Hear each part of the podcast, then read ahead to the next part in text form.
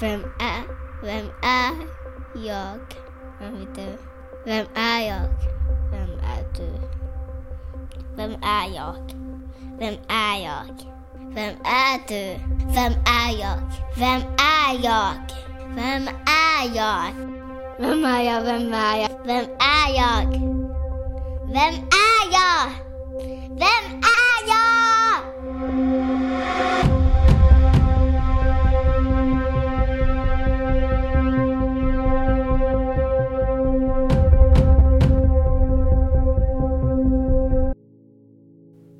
och välkommen till podcasten Vem är jag? I det här avsnittet träffar jag Sandra, en gammal kurskamrat från skådespelargrundkursen på Marieborgs folkhögskola. Sandra har liksom jag bipolär sjukdom typ 2. Samtidigt som hennes bror idag är en nykter narkoman. Men hon har under sitt liv levt i många perioder i ett medberoende. Det här är hennes historia.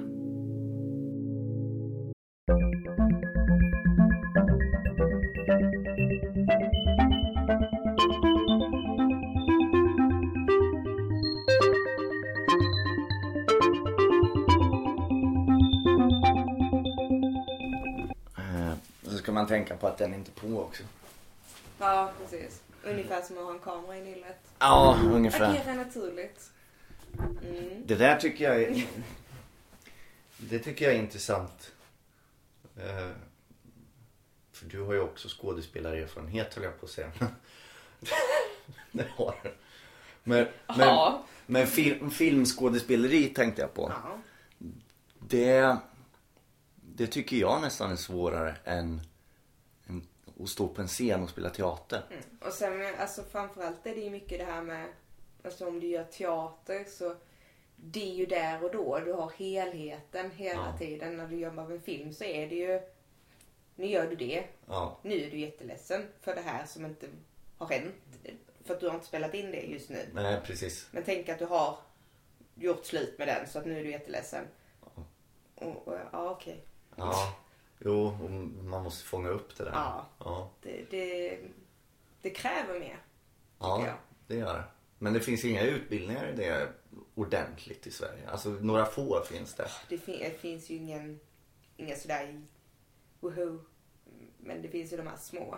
Ja, det finns några folkhögskoleutbildningar. Ja, precis. Så. Mm. En liten parentes här i, i början. Ja, film är kul. Men för, för det tänkte jag på eh, just det här i och med att det, i höst så är det tio år sedan som vi, Ja. som vi träffades för första gången Ja. och började på Marieborg på skådespelargrundkursen där. Eh, Tio år. tio år, det är helt sjukt. Eh, ja, vi behöver inte tänka mer på det. Nej. Men eh, en liten anekdot sådär från vårat slutprojekt. Jag kommer ihåg första gången vi skulle ha, för vi spelade ett par eh, i en väldigt dysfunktionell familj.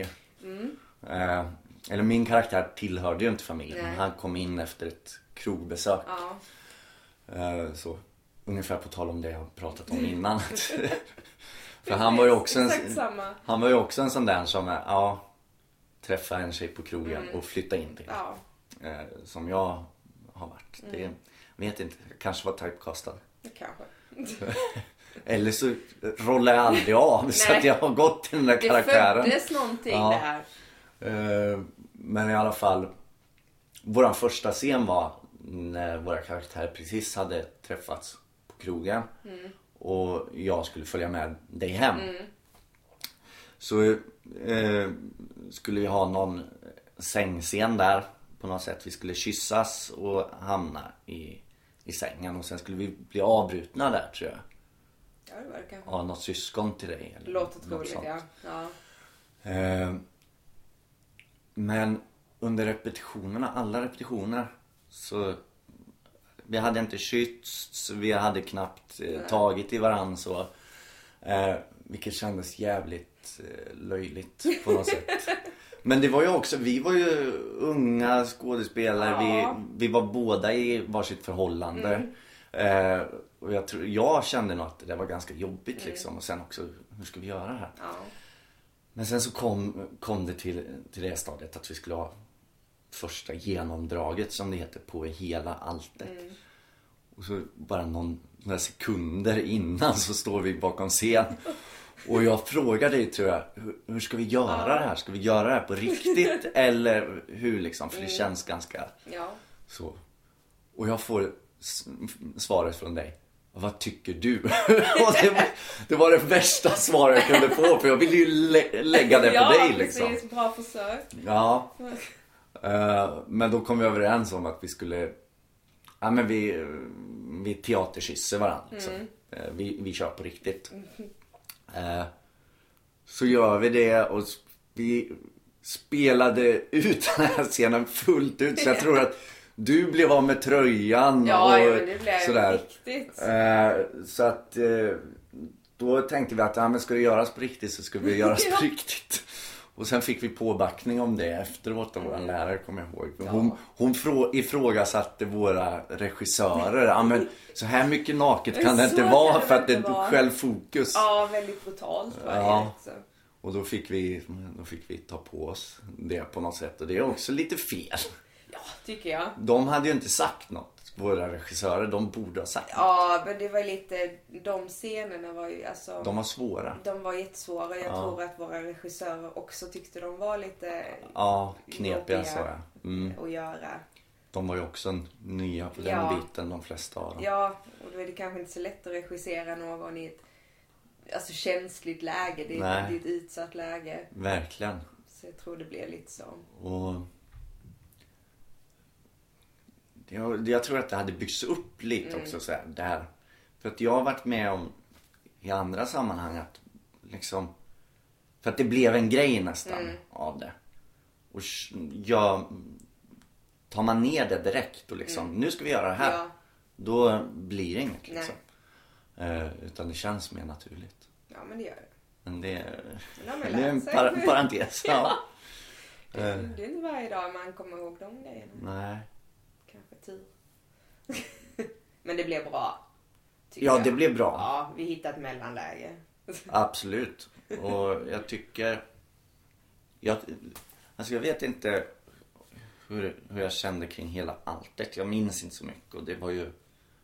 Jag mådde väl inte så... Eller jag mådde inte så bra alla gånger Nej. den tiden liksom. Men jag tycker nog att våran grupp var väldigt trevlig att jobba med. Vad trevlig. Vi var fyra skådisar. Mm. Det var du, jag, Maria och Andreas. Mm. Ja, så heter han. Ja. Vi hade, Pierce. Ja. Nej, men det var kul och roligt. Våra scener blev roliga tyckte jag. Ja, men det var en så bisarr pjäs. Ja, väldigt skruvad. Jag vet bara att jag kommer ihåg att jag... För man skulle ju alltid ha de här... Hur mår du idag? Ja, just det. Eh, och, och jag Del, var, delningsrundor. Ja, och jag var ärlig och sa att jag inte mådde bra. Och då fick jag skit för det till sist. Att jag alltid sa att jag inte mådde bra.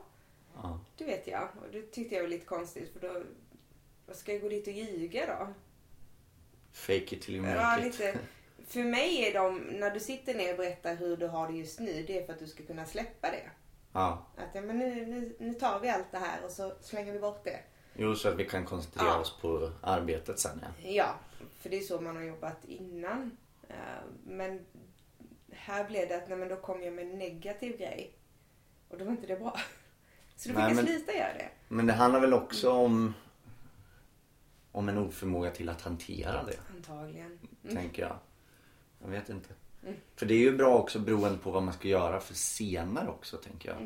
Att veta, men hur mår, rent hypotetiskt nu, om någon mår skit och det är en våldtäktsscen i föreställningen, kanske man inte ska ta Nej, den just den inte dagen. det Smidigaste att ta. Nej. Nej. Ehm, sådär, men ja. Kommer ihåg eh, våra lunchpauser och sådär också. Jag och Andreas satt och drog eh, ordvitsar. Du blev galen. Ja, de var ju så dåliga. Ja. Herregud. Men kul var det. Ja, ni tyckte det i alla fall. Ja, och vi, jag i alla fall eh, kan vara väldigt retsam. Ja, Tycker om det. ja. Men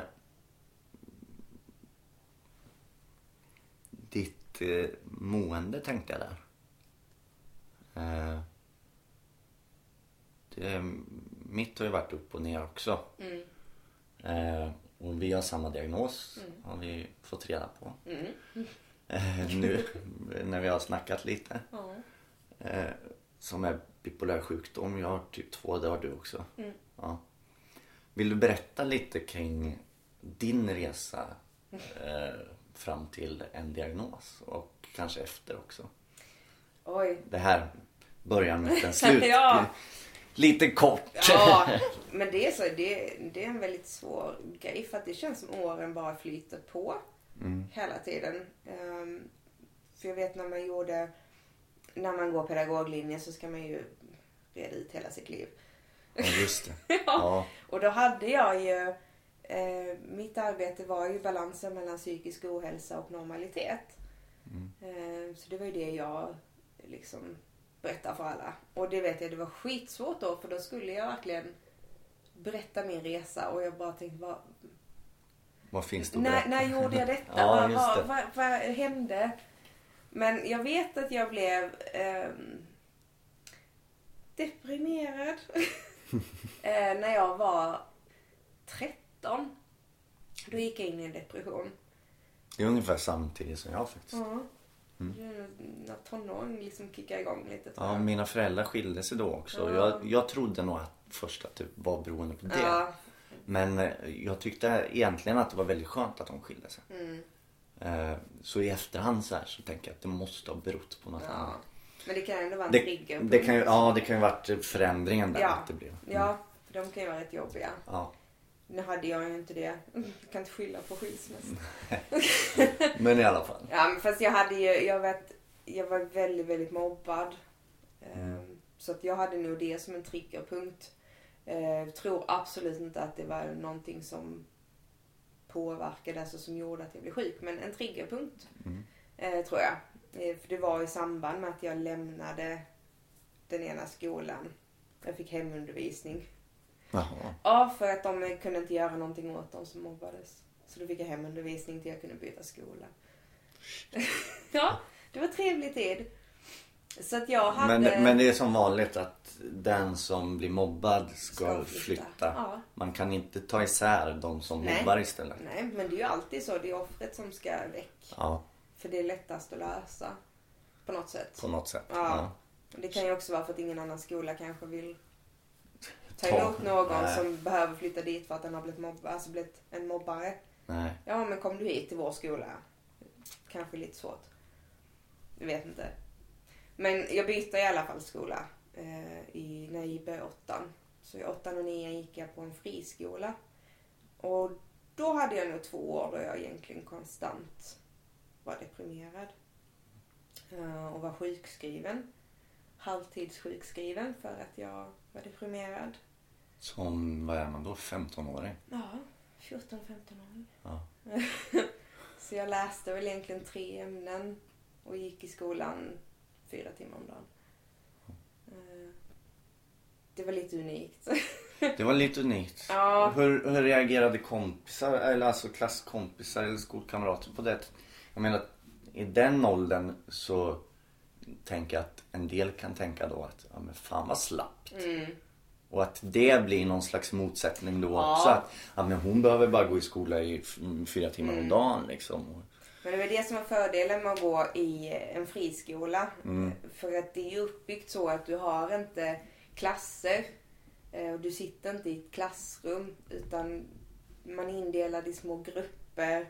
Men du jobbar, du bestämmer själv vad du vill jobba med när du vill Ja, jobba okej. med det. Och sitter i ett så här jättevardagsrum och jobbar. Ja. Eh, vilket gjorde att man, man höll ju sig till, till de som blev ens egna lilla gäng. Eh, och eftersom jag mådde dåligt och var destruktiv så var det ju sådana människor som jag umgicks med. Eh, liksom, Ja, det är så man drar sig. man drar sig till, Ja. till lika barn leka bäst. Ja, Mm. det är ju så. Så att jag hade ju bara en massa... Jag hade inte en massa, men jag, de jag hade runt mig, de var destruktiva, de var sjuka, de var missanpassade. Så att där behövde jag ju aldrig förklara mig Nej. någonsin. Ehm, Det var ju mer rektorn som tyckte jag var dum i huvudet. Ja. Ja. eh, Men så. Så att det gick jag i, i åttan och nian. Så det liksom var så. Och samtidigt så höll jag då på med att ha terapeuter och psykologer och socionomer och hypnoser och allting. Och massa olika mediciner och inget funkar och livet fanns liksom inte överhuvudtaget. Man var bara destruktiv. Ehm, men sen så bara vände det. Så började det liksom flyta på och så blev det bra. Uh, gick gymnasiet och gick teater. Var det annars? Ehm, och då gick det bra. Jag hade stunder då det var jättebra. Mitt liv var toppen och eh, kände riktigt eh, flow. Och då glömmer man bort att man har mått dåligt och liksom att det kapitlet var slut. Ja, just. Eh, Jag hade liksom blivit botad, jag var frisk. Skulle aldrig bli sjuk igen. Eh, Och sen så någon gång under gymnasiet så brakade jag rätt ner igen. Eh, Och blev jättedestruktiv och går in i exakt samma mönster som man hade innan. Eh, Bara det att det var lite värre. Och blev sjukskriven. Mm. Eh, Och in och nya mediciner och sen så blev det bra. Och så höll det på så. Så gick jag, började jag på folkhögskola. Men jag tänker att den backlashen också att man känner att nu mår jag bra, nu är det fantastiskt, nu ska jag aldrig mer bli sjuk. Mm. Nej. Och sen så blir man sjuk ändå. Mm. Att då, det måste, tar ju väldigt hårt på en. Men det gör det. Alltså för att då, när man då när man åker ner igen och liksom bara faller ner i vad man vet är eh, en depression och ett helvete. Då känner man ju till sist att jag ger upp. Ja. Alltså när man hade varit nere där ett par gånger så, så var det bara att jag, jag skiter i det här nu. Det, det finns inte. Varför ska jag hålla på och må så här? Mm, precis. Jag har nog känt mig jävligt dålig då liksom. Mm. Att fan klarar jag inte av att må bra. Sådär. Mm. Hur, när fick du diagnos? Ja, det var... Var det under tiden på Marieborg när du var tvungen, höll jag på att säga, att rota? Nej, så var det inte. För då hade jag ju... Då hade jag återigen att jag var frisk. När jag gjorde den eh, liksom... Jag vet inte, går man i tvåan på pedagoglinjen? Jag tror det. Ja. Ateljéarbete Ja. kallas det fortfarande. Jag- Så det var i tvåan. Och då mådde jag bra. Men vad går det ut på? Det går ut på att man ska göra en scenisk framställning Mm. av något som ligger en nära liksom. Som Ja. man brinner för eller något. Det ska ju vara ett ämne eh, men som också ligger personligt. Ja, Liksom, sen kan du ju ta det till vilken... nivå som Vilken helst vill. egentligen. Ja. ehm, Och vilket sceniskt uttryck som helst. Ja, egentligen. ja. ja. Da- dans, teater, ja, konst. målningar. Ja, Precis vad du vill. just det. Och sen hade du ett essäarbete också. Du skulle skriva hela skitet också. just det. Ja. Vi- eh, Jag måste bara flika in där innan vi går vidare. Om mitt ateljéarbete. Mm. Jag blev ju egentligen befriad från det. Jaha. På grund av att jag hade gjort den där föreställningen. Ah. Eh, Erik och det besvärade leendet. Mm. Eh, för våran lärare visste om vad den handlade om. Och så där. Och det, den handlar om ett väldigt destruktivt Mm. förhållande. Som har hämtat mycket från mitt eget liv. Mm. Så de tyckte att det var nog. Men det tyckte inte jag. Eh, som alltid har velat höras och synas Ja. och sådär. Men då på något sätt, i och med att jag hade den brasklappen eller vad man ska säga, att jag redan hade gjort mitt. Så bestämde jag på något sätt och jag vet inte hur jag fick igenom det här men det kanske är min manipulativa sida som, som tog det. Så att jag eh, såg till så att ingen fick insyn i mitt arbete. Så, Okej. så jag kunde göra precis vad jag ville och det gjorde jag verkligen. För när det var dags så jag hade utformat det som något slags sommarprat. Och under den här tiden så var det många som hade gnällt på mig eh, runt om i klassen och sådär. Att jag drack för mycket.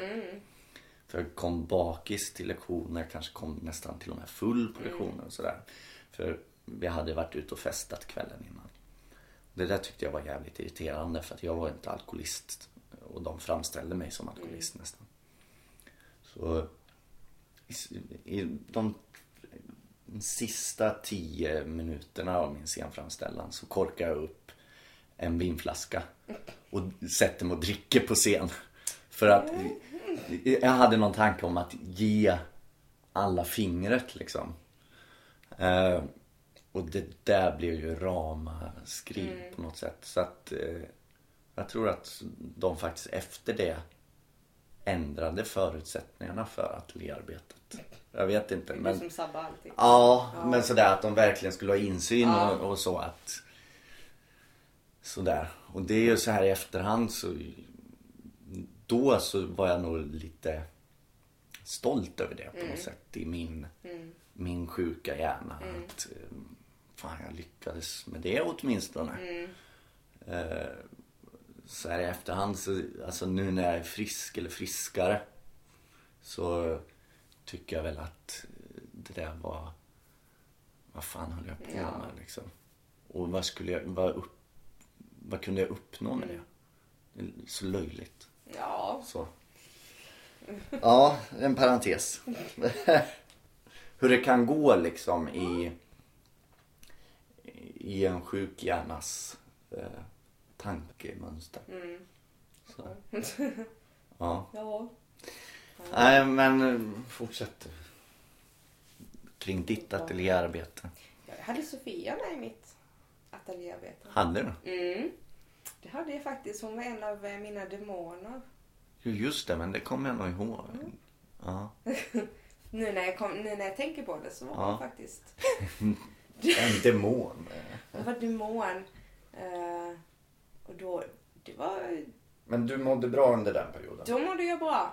Mm. Eh, så att det var ju mer en, en ren tillbakablick. Eh, och På det här dåliga måendet som aldrig mer Ja. skulle bli, eller? Ja, så att jag, jag satt ju verkligen där och, och bekräftade för mig själv att nu mår jag bra, nu är jag frisk. Kolla vad mycket jobbigt jag har gått igenom men nu är det bra. Jag har klarat mig. Eh, så att det, det fanns liksom inte att det, jag kunde ändå inte se mönstret. Fast jag Nej. satt och pratade om det i en timme så såg jag inte det. Eh, jag hade kanske behövt vin. Ja. Ja. Eh, Men nej, det, det fanns liksom inte att, att, det, att det inte var färdigt.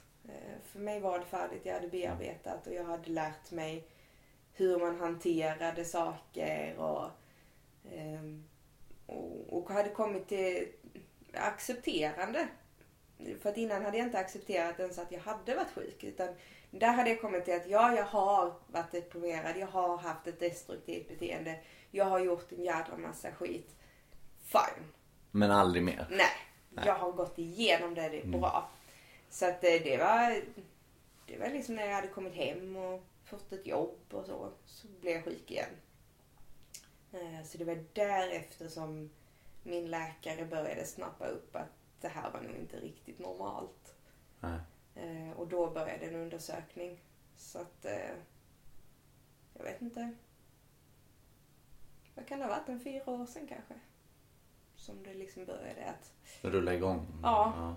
eh, Hur, hur lång tid tog din utredning? För min utredning gick så fort. Ja, nu, den, har, den har ju gått lite i omgångar för att jag fick det egentligen av min läkare. Mm. Eh, Men så ville han ha det bekräftat av eh, psykiatrin för han är eh, numera är han allmänläkare Okej. eh, och han har jobbat innan eh, med det. Mm. Så att jag blev skickad iväg och så fick jag göra en liten utredning. Det behövdes inte så jättemycket men det tog väl några veckor. Eh, lite test. Ja. Eh, för att se var jag var någonstans. Det finns ju egentligen fyra olika bipolära sjukdomar. Eh, finns, eller fem finns det nog. Finns de som går så här, alltså upp och ner på två minuter. Ja, just det. Ja. Ehm, och finns de som bara har depp och det finns de som bara har upp. Ehm, Ja. Så det, det var lite en, en koll var man var någonstans. Mm. Och sen så fick jag massa medicin slängt på mig. Och så sa jag att jag ville inte ha den medicinen. Eh, och då, då blev jag i stort sett utslängd eh, från, eh, från läkaren. Och han sa att jag var välkommen tillbaka när jag var beredd att ta den. Så att... eh, Men är inte det ganska sunt? Nej, för att han gav en jättestark medicin och jättevanebildande. Ehm, Ja. Och jag ansåg att det är inte det du börjar med. Nej. Eftersom jag har, jag har tagit så mycket medicin innan att jag vet faktiskt vad jag ger mig in på. Mm. Och jag kände att jag vill inte börja med det här. Nej. Det finns andra alternativ. Mm. Men han ansåg att det var den eller inget. Ja, det är dumt. Ja, så att eh, jag fick ju gå tillbaka till min riktiga läkare. Mm. För att kunna få en riktig diskussion om vilken medicin som är bäst att prova först. Ja. Ehm, Så då fick jag det och sen så hände ingenting. Det blev inte bättre.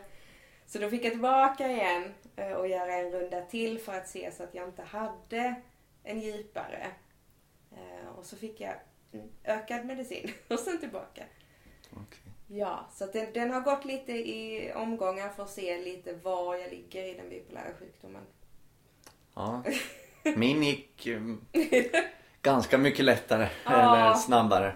Ja, m- Men det har också att göra med för att jag kom, jag hade precis blivit nykter. Mm, Eh, och gick öppenvårdsbehandling då. mm, När jag äntligen, för jag hade ju sökt mig till psykiatrin innan. Mm. Men då kom jag till psykiatrin till en läkare. Och den här läkaren han undrar, jaha vad, vad kan vi hjälpa dig med?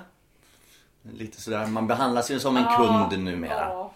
Eh, och då tänkte jag, men för att jag hade varit så många vänder på olika saker och jag hade inte fått hjälp och sådär. Så jag, jag tänkte, nu ska jag vara klar och tydlig med vad jag vill ha. Mm, Och är jag det så måste de ju uppfylla det. ja. Jag vill ha en utredning för bipolär sjukdom och eller ADHD, sa jag. Mm. Samt att jag är alkoholist och narkoman. Och då började läkaren med att berätta för mig hur jobbigt en ADHD-utredning är. För att det tar, det är kötid, sen tar utredningen väldigt lång tid. Och du måste ju vara nykter si och så länge. Och det måste ju vara jobbigt, ungefär. Det var kontentan ungefär. Och jag liksom bara, ja, sa till honom, men jag ska väl vara nykter och drogfri ändå förhoppningsvis. Ja, så skickade han iväg mig på så att jag kunde gå till min vårdcentral och ta lite blodprover när jag ville. Sen nästa gång jag kom tillbaka då hade jag varit och tagit de här blodproven. Men då, ja vad var det ju nu vi skulle göra med dig säger han. Skrev du några journalanteckningar förra gången eller? Ja. Ja men det, och så fick jag framföra vad det var och jag har ju varit och tagit de här blodproverna. Och så började han igen med att ADHD-utredning är så jobbigt och bla bla. Men du kan ju få göra en och Det hör till saken att på min behandling så hade jag gjort en screening för ADHD. Som gav fullt utslag. Men den avfärdade han helt och hållet. Okej. Men vi kan sätta oss ner och prata lite. Och så pratade vi, jag fick göra en screening för bipolär sjukdom istället. Och så snackade vi. Eh, och då på en timme, eller vad det kan ha varit. Så hade han diagnostiserat mig med bipolär sjukdom typ 2. För att det, jag hade mer bipolär sjukdom än ADHD tyckte Okej. han. Eh, ja, och så kan vi diskutera nästa gång kan vi diskutera medicinering. Du kan gå hem och läsa på om bipolär sjukdom sa han. Och se om du tror att det passar Men gå dig. ut på Wikipedia Ja. läs. Ungefär så. Eh, sen i efterhand så har jag fattat att eh, den här ADHD-utredningen kostar alldeles för mycket. Så att det är väl därför. Antagligen. Eh, och nästa gång jag kom dit så fick jag träffa en annan läkare. Och vi snackade lite också och hon tyckte att det lät bra på bipolär sjukdom. Så fick jag medicin utskrivet då. Nu tycker jag ju visserligen att den medicinen funkar. Eh, men att jag mår så pass bra som jag gör idag kan ju bero på andra saker också. Ja. Eh, så det återstår att se hur det funkar framöver liksom. Eh, men jag vill fortfarande ha en ADHD-utredning. För den ska man ju egentligen göra också för att beroende på hur tydligt det är och så. Och i mitt fall så tycker inte jag att det är speciellt tydligt. Kanske. Så bara för att utesluta den. Eller om jag har dubbeldiagnos. Ja, så det ena utesluter inte det andra. Nej, jag kan ju, för jag kan vara väldigt liksom ADHD-ig också. Ja. Eh, sådär. Mm. Men jag kan känna att det, det svåra med att hitta en medicin för bipolär sjukdom. Du kan tycka att du, du får en dos och, och sen flyter livet på. Men det är inget som säger att, att det är medicinen eller om det bara är en period som du faktiskt bara flyttar på. För att bra, det gör man ju. Jo. Eh, så kan man gå och tro att ja, men den här funkar jättebra. Sen bara tjoff så är du rätt åt helvete eller så är du uppe. Ja. Uh, och ja, och, oj, nej då var det ju inte rätt på medicinen och så får man öka den eller byta den och så får du gå på igen och ja jag kan känna att det är svårt. och bara det där att trappa ner på mediciner Ja. och upp. Mm. Det är ju skitjobbigt. Ja, det är det. Mm. Eh, ja. ja, det tär ju liksom. Mm. På mig i alla fall. Ja men det gör det. Det är jättejobbigt. Eh, sen tror jag mycket också, och det har vi pratat lite om innan du och jag, det här med rutiner. Mm. Att det gör så himla mycket det också. Eh, så det är också en grej som får min vardag att fungera. Att, Mm. att ha mina rutiner. Och jag märker ju när jag slarvar med de rutinerna så då blir det ju helt kajko. Jo men det är jätteviktigt. Man- mår bättre av att ha att man, man går upp och man äter och man gör det och man gör det. Framförallt att man får sin sömn. Mm. Känner jag att det är jätteviktigt för mig för om jag inte sover så triggar jag igång en hypomani istället. Ja. Eh, så att jag måste ju vara tråkig. Jag, jag Ja. måste faktiskt gå och lägga mig. Jo. Det är ju inte så att jag inte kan ute och, och ha trevligt med mina kompisar eh, och vara hemma klockan fem. Absolut. Men det är en gång och sen så måste jag tillbaka i rutinen igen. Ja. Och faktiskt vara den att ja, men klockan tio så nu måste jag börja varva ner. Mm. Eh, och det är ju skittråkigt. Jag är nattmänniska.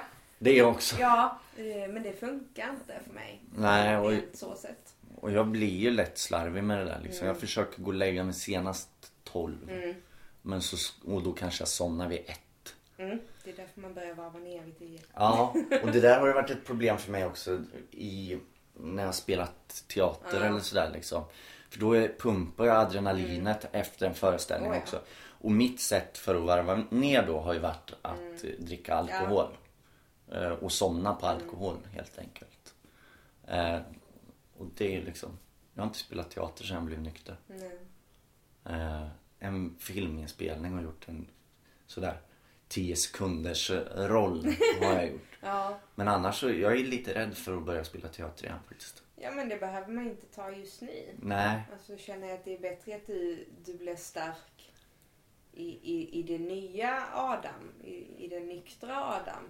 Jo. Eh, Innan man börjar prova något sånt. För att Det det är är, lite ju så- rätt så kopplat de två grejerna. exakt. Och det är lite så jag tänkt att Ja. i och med att det, jag satte det där i system också. Jag vet inte riktigt hur jag kommer Mm. Nej. reagera. Eh, Så det vet jag ju först när jag står där Ja. egentligen. Och då måste jag ha, då måste jag ha en styrka från grunden med mig in, Mm. Ja. in i det. Och alla verktyg liksom. Så det, det blir när det blir Ja, då. Det, det kan komma sen. Så. Ehm, jag tänker hoppa lite här nu. När vi är in på missbruk. Mm. Du har vad är din egen relation till alkohol och droger? Så kan vi börja. Ja, min är inte, personligen så har jag inte några problem. Nej. Har du någon relation överhuvudtaget? Du, du dricker? Jag dricker, Ja. absolut. Det gör jag. Eh, Men har aldrig haft... Ja, jag hade problem när jag, var, när jag blev sjuk. Eh, Mm. När jag var 14-15 och var jättedestruktiv.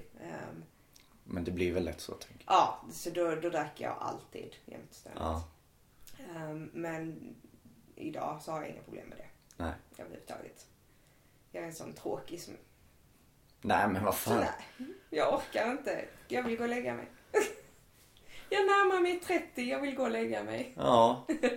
Ja, men, mm, fast det märkte jag även i mitt missbruk på slutet när jag var ute på krogen liksom. Fan vad hög musik de spelar.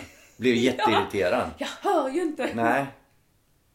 Och jag ville ju sitta och snacka. Liksom. Ja, Alla de här intelligenta Ja, ja, samtalen men som, som jag hade då. Ja, löser världsproblemen. verkligen. Mm. Men du har en annan relation till det här med droger och alkohol. Mm. det Vill du, vill du berätta om Jag har ju en storebror. Eh, han är 11 år äldre än mig. Eh, som blev narkoman. Eh, han har aldrig haft några problem. Eh, och aldrig varit deprimerad eller någonting. Han har alltid haft sitt liv. liksom så. Aldrig haft problem. Eh, och träffade tyvärr fel person vid till, fel tillfälle i livet. Ehm, och blev narkoman och då gick jag i... När jag började koppla att han faktiskt hade problem då hade jag nog precis börjat gymnasiet. Ehm, och, och så. Så att då, då, jag tror säkert, vi har inte pratat om när han började riktigt. Det är svårt att veta. Ja, det är lite så. Eller alltså första gången man tar en drog kanske man vet. Ja, men sen är absolut, frågan när, vad- blir du, Ja. när, när blir du narkoman Ja. eller när blir du beroende? Ja, precis. Så. Eh, Så att det, det är lite så. Men jag vet att i, ungefär samtidigt som jag började gymnasiet så insåg jag eh, att, eh, att han har problem. Då är du i en ganska känslig ålder själv. Ja. Liksom. Det var jag. Men eh, framförallt så tyckte jag så synd om mamma. Ja. Du har en väldigt nära relation till din mamma. Ja. Har jag förstått. Ja, absolut. Herregud. Eh, Hon är en av mina bästa vänner. Hon stred för mig. Mm. Och, och strider fortfarande för mig när det är något som är. Men hon var den som alltid stred för min rätt att få hjälp. Ja. Eh, och hon försökte göra samma sak med min bror. Eh, det gick inte så bra.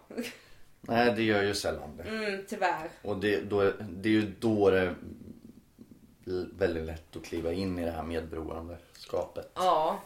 Eh, och det, det kände jag var jättejobbigt att att det här att mamma är en väldigt stark person Eh, och har alltid varit väldigt tydlig med vad hon tycker och tänker om, om sånt här och sådana beteenden och, eh, och allt sånt. Och, och, och så börjar hon faktiskt bli sådär att hon ursäktade om han gjorde någonting. Och, eh, just i stunden så kunde hon vara fly förbannad om hon upptäckte att han hade stilit grejer för att köpa eh, narkotika eh, eller sålt sin bil ja. Eh, och då kunde hon vara rosenrasande. Och sen så liksom gick det några veckor och så kunde han komma krypande hem och säga att han ville ta tag i sitt liv. Och då var allting förlåtet. Eh, och jag, jag kunde inte det. Eh, jag var inte där. Eh, och jag vägrade acceptera att folk förlät eh, hela tiden. Jag, jag fixade inte det. Så det blev en jättekrock. Och det hjälper ju inte en missbrukare då liksom. Nej, men det hjälpte inte att någon annan förlät heller. Nej det är det jag Det- menar. det blir liksom- det är det jag menar Ja. att förlåtandet Ja. hjälper inte. Ingen, Eh. ingen ställde några tvivel på det. Eh, Nej. Alla förlät hela tiden. Eh, och, och, och det gjorde aldrig jag. Aldrig någonsin. Eh, Han behövde vara ren i många år innan jag förlät honom. Eh, Men det hamnar ju i en jättesvår situation. Då för att mamma... Alltså jag, jag förstår en mamma som, som ser sin son tyna bort. Det måste vara jättehemskt och det är klart man är beredd att göra allt. Ehm, och då skulle jag liksom ta hand om henne och alltid ställa upp för henne. Ehm, så jag har ju varit, jag har ju spenderat många nätter bultandes i snön och försökt kolla i vilken lägenhet som min bror var i för att jag hade hört talas om att han hade befunnit sig hos någon. Och jag visste att den någon bodde i det huset. Men då har ju du tvingats in i ett medberoende Ja. också fast Eh, att du inte vill. Absolut. Eh, och, och varit många gånger jag har varit och hämtat honom. Jag har följt efter honom på stan för att eh, vi har inte sett honom på en vecka. Och så såg jag han när jag skulle gå till skolan eh, liggandes på en bänk. Och, och då kunde man inte gå. Till skolan. Nej, så då fick man ringa där och sen fick jag vakta honom till mamma kom och det var ju en, alltså fyra mil att köra. Och så lullade han iväg så har jag gått och spionerat på honom Jaha. genom hela stan och eh, haft många, fått många sluddriga samtal och eh, varit och, och plockat grejer i hans lägenheter som har varit fulla med kanyler och jag har varit så arg. Eh, och, och höra alltid hans jävla ursäkter. Mm. Alltid ursäkter. Att han kunde komma undan med vad som helst för att han hade en sjukdom. Eh, och jag Mm. fixade inte. Jag känner igen det där. man, man kan inte man kan inte skylla allting på det. Eh, Nej. Verkligen inte. nej. Det är...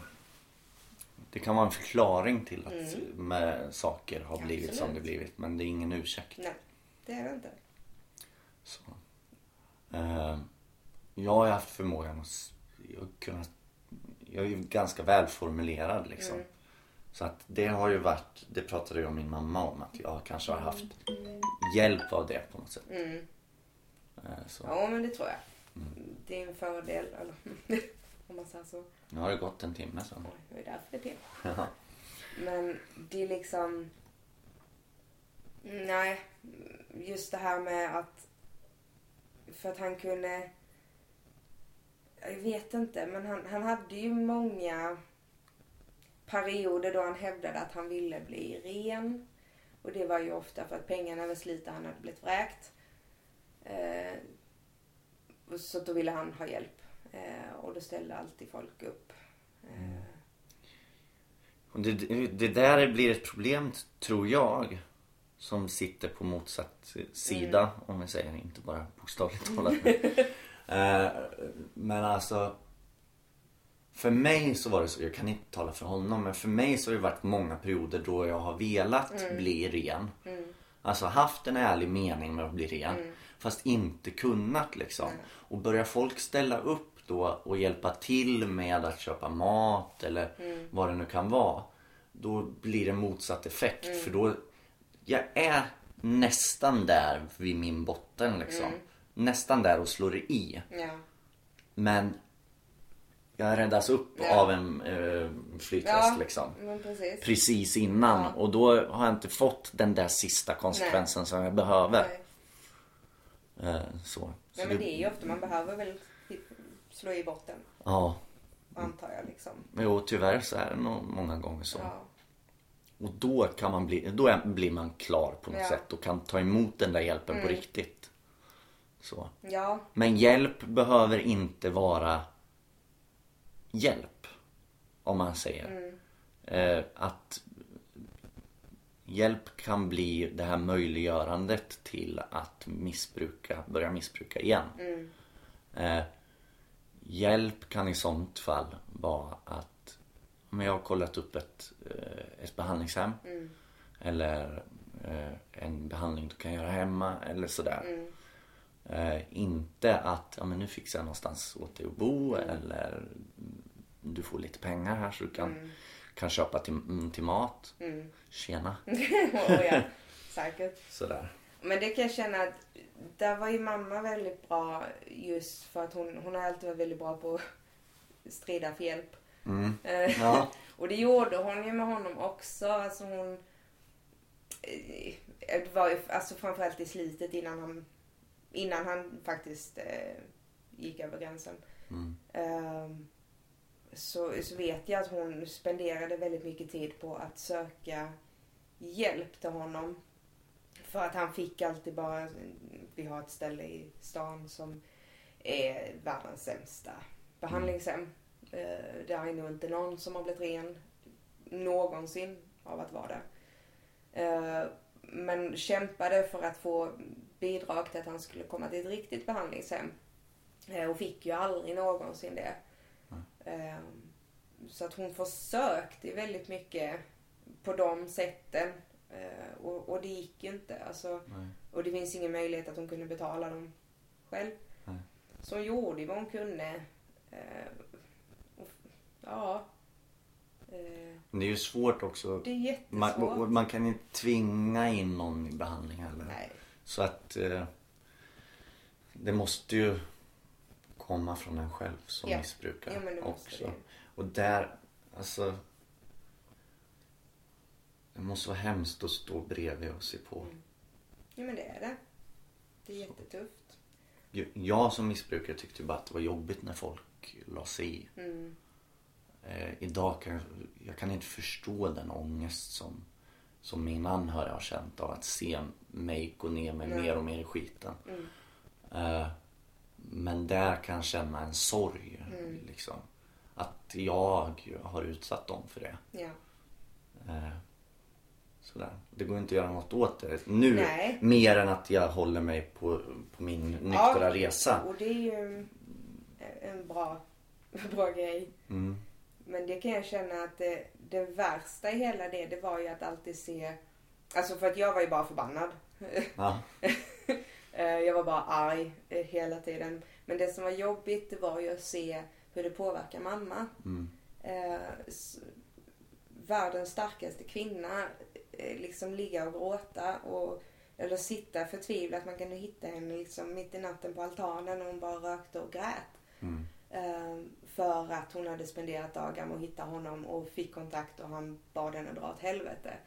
Eh, och liksom det var jobbigt att jag försökte, jag försökte få han att förstå vad han gjorde. Eh, hur mycket han skadade henne. Jag sket i att han skadade mig och alla andra. Men att han skadade mamma. Eh, för att det var så jobbigt för mig att se henne knäckt. Och sen då att få... Man ser att det är ingen sympati. Nej, Eh, det finns inte. nej, det gör ju inte det. Nej, och, och det var egentligen det värsta. Att se hur en människa skiter i vilket. Ja. Att han bryr sig inte att han skadar den som är... Han tycker ju om henne mer än någon annan. Mm. Ehm, men att han just då inte brydde sig. Nej. Det, det fanns inte. Eh, och det, det är nog det svåraste. Att se den här...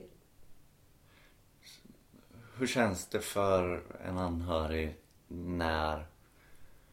Hur är ångesten när någon har blivit nykter liksom? Men jag, jag tänker det måste ju gnaga någonstans. Funkar det här verkligen den här gången? Ja, det finns alltid. Ehm, jag vet att när, när min bror väl tog tag i sitt liv ehm, och fick hjälp och var mer bestämd själv att nu ska han fixa det. Ehm, så var alla var hoppfulla, men jag var inte det. Jag var så, för jag är en pessimist i sig. Eh, Så att jag, det är så jävla illa. Men jag var verkligen så här att det, det kommer inte funka. Eh, Det har inte funkat förr, det kommer inte funka nu. Ehm, Men de andra hoppades ju. Eh, Och sen så blev det ju, det var alltid en misstänksamhet. Att, var han sen? Var var han någonstans? Mm. Eh, Och det fanns även hos de andra, man såg det direkt att alla hade samma tanke. Um, var han, sluddrade han? Ja, var han trött eller var han påverkad? Ja. För att han kan se exakt likadan ut när han är trött. Ja. Ehm, och liksom den här misstanken hela tiden. Om det ringde i hans telefon och han la på. När man satt bredvid. Varför det? Varför la han på luren? Ehm, och man blir väldigt paranoid. Ehm, och det sitter i länge. Och en del försvinner aldrig. Nej. Vi hade liksom, nu har min bror varit alltså, ren i, i flera år. Ehm, är jätteduktig. Ehm, men han hade nu en period då han, hans telefon var borta. Okej. Eh, och han ville inte prata om det. Eh, och då var direkt att han har sålt sin telefon för att köpa narkotika. Det var liksom första tanken. Ja. För att det är precis det han har gjort innan. Eh, Så att det sitter ju i. Nu var det inte så att den hade gått sönder och han skämdes. Ja, jo, eh, och det var, det var det jag tänkte också för att Och det kan ju vara en sak också Som jag har gjort illa ansiktet nu Mm. eh, Och det gjorde jag titt som tätt Mm. på fyllan eh, Och direkt så kommer för mig så kommer en skam över att jag ser ut som jag gör i ansiktet Mm. Och folk tror att jag har varit påverkad igen Ja. Eh, samma sak om jag hade ju sönder hur många mobiltelefoner som helst och då kommer den skammen Mm. Ja. för mig liksom. Och då vill kanske jag inte prata om det. Eller varje grej jag säger som om jag förklarar varför jag har gjort illa ansiktet. Så känns det, ja men vilken jävla dålig Mm. Ja, förklaring. så. Kan du inte komma på något bättre? Ja. Ja. Eh, och, och det slår fel också Mm. mot andra. Därför är ju ärlighet väldigt viktigt. Hur, hur illa man själv tycker att det låter. Mm. Det här med att passa tider har jag försökt bli jättenoga med. Mm. Eh, så. Och därav rutinerna också. Ja. Tänker jag. Men jag kan sluddra väldigt ibland. Jag, mu- Ja. jag är en sån som mumlar Ja, också. ja. Men då, det tänker jag också på att Fan, lägg Ja. av nu. Men det är, och man får räkna med, jag tror nog att alla som är anhöriga alltid kommer ha en misstanke Mm. kvar. Men sen är det ju upp till var person att välja att jag litar på det. Mm. Jag litar på min bror och det måste man välja att göra. Mm. Eh, men tankarna kommer ju. Så fort Ja det visst, och så får, det- så får det väl vara. Det Liksom. får vara så, men jag, jag själv måste ju också välja. Ja. Att jag kan inte hålla på hela tiden och anklaga. Utan jag Nej. måste ju också välja att lita på honom. Mm. Och jag måste lita på att han kommer till mig om det är någonting. Mm. Om han känner tvivel, om han, om han har råkat trilla tillbaka. Jag måste ju lita på att han tar ansvar själv Mm. och, och ber om hjälp. Verkligen. Det handlar ju om det.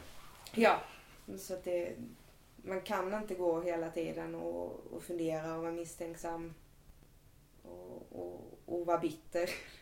Kan man inte vara. Ehm, så att det, det är en ärlighet från båda hållen. Ärlighet och ansvar. Ja, Mm. absolut. Jag tänkte vi skulle börja runda av Mm, nu. det är nog bäst. Eh, I och med att klockan slagit. Ja, Eh, kul att träffa dig igen. ja detsamma. Framför allt. det var lång tid. Eh, och tack för att du delar med dig. För att det är viktigt tycker jag. Ja, det tycker jag med. Tack. Ja, tack själv. Tack så mycket för att du lyssnade på det här avsnittet av podcasten Vem är jag? Det här är det nionde och potentiellt sett det näst sista avsnittet i del två av podden. Det återstår att se hur det blir med den saken då jag är väldigt glad och tacksam över all den fina respons jag har fått och alla de intressanta gäster som hittills har varit med i podden. Jag har många, många, många fler som jag skulle vilja prata med. Så därför ser det ut som att det, om det inte blir en fortsättning så blir det åtminstone inget avslut. Vi hörs snart igen och glöm inte bort att ta hand om varandra.